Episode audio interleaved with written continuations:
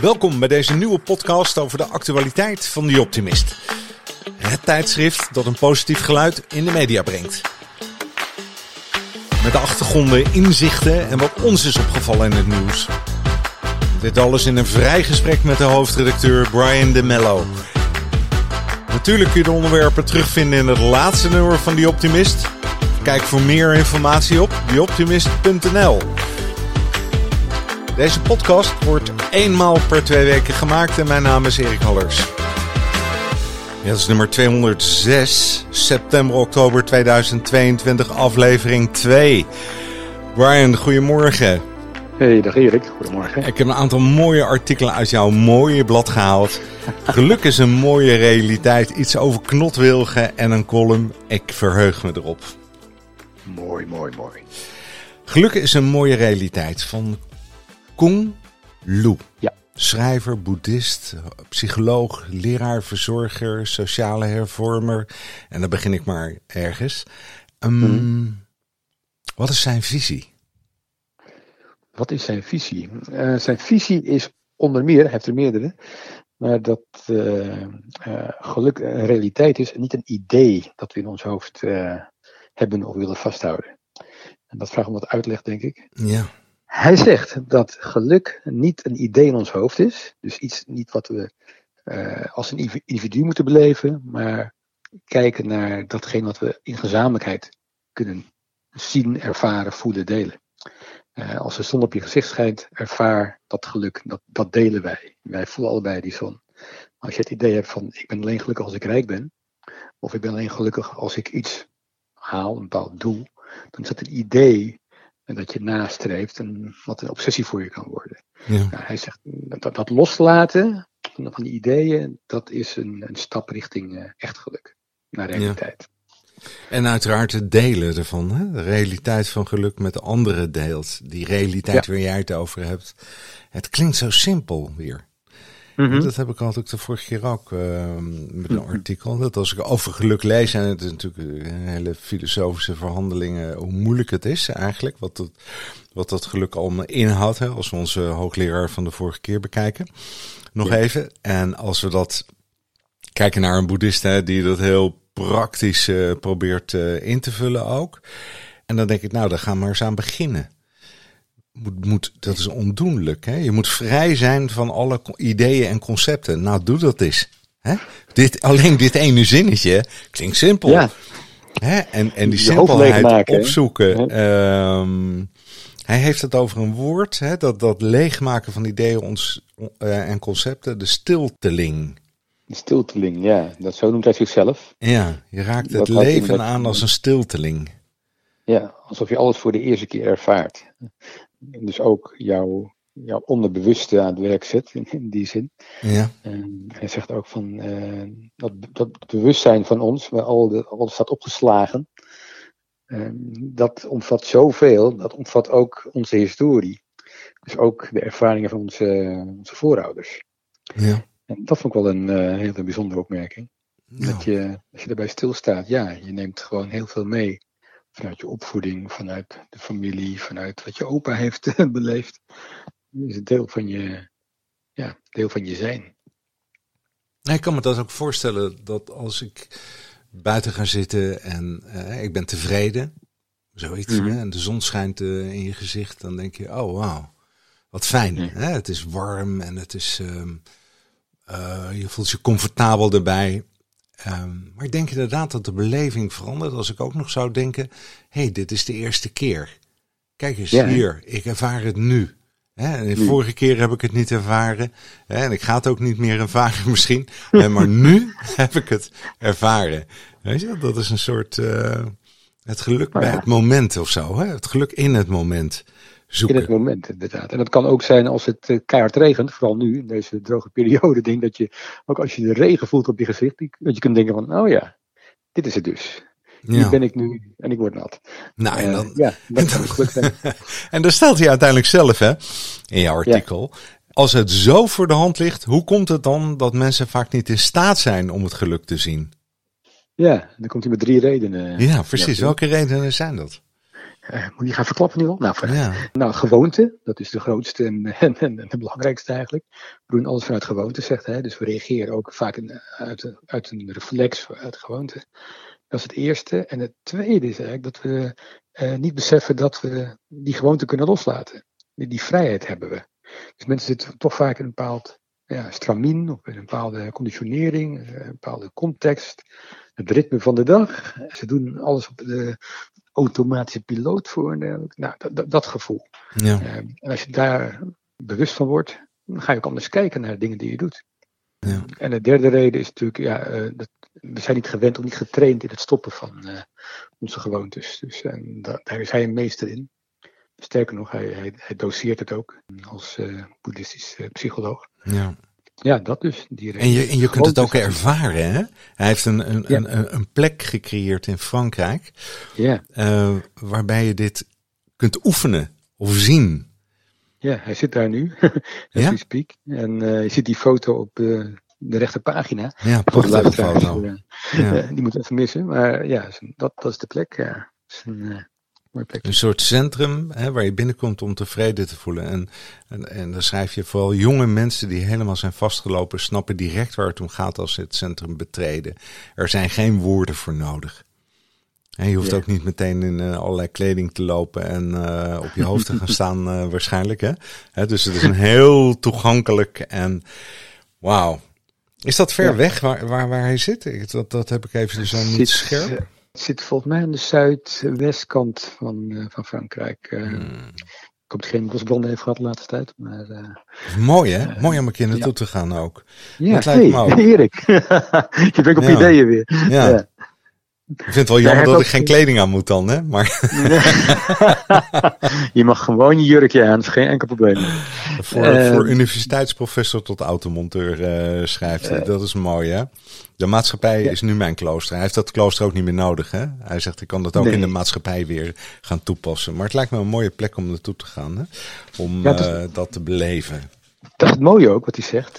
hij is een onzichtbare kloosterling geworden. Ja. Uh, inmiddels. Dus uh, je kunt overal kun je, uh, ja, kun je dit praktiseren.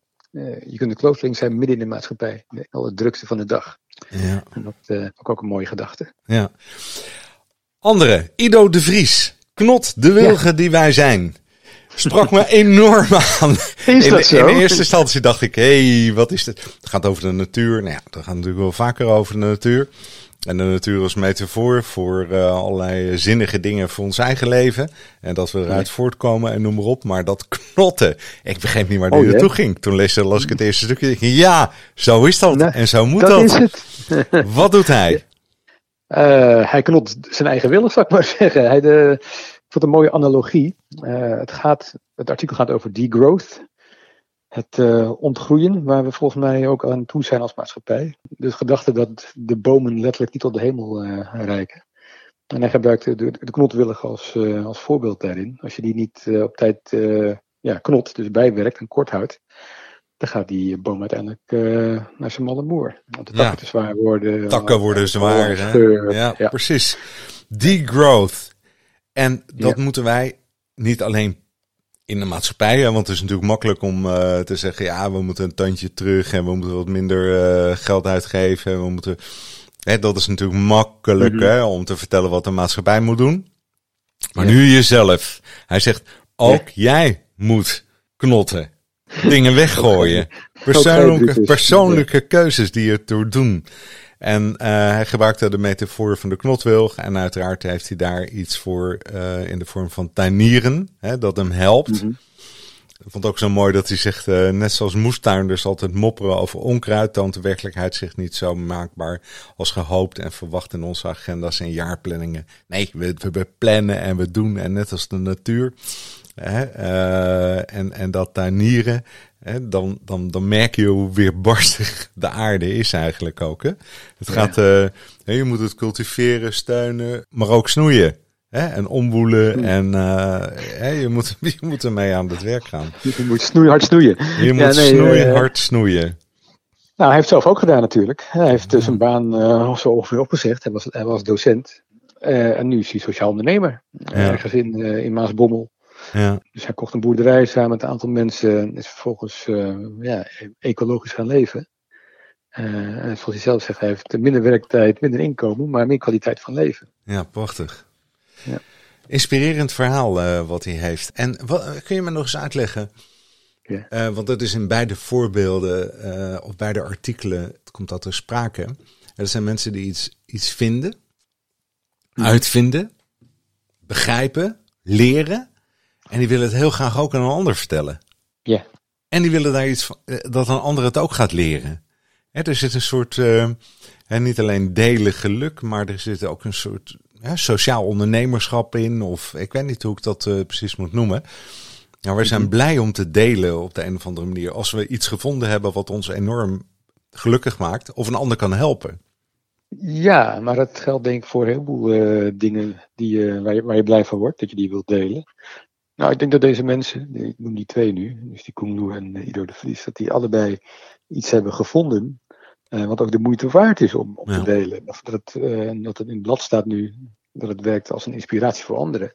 Ja, Dus uh, ja, als je het leest, denk je van, oh ja, zo kan het ook. Of iemand heeft het aangedurfd om na zijn baan op te zeggen en het anders te gaan doen. Ja. Hoe dan? En wat, wat zijn, waar, waar is hij echt blij van geworden dan? ja. Ja, nou, dat zijn wel voorbeelden, denk ik ook voor, voor veel mensen. voorbeelden.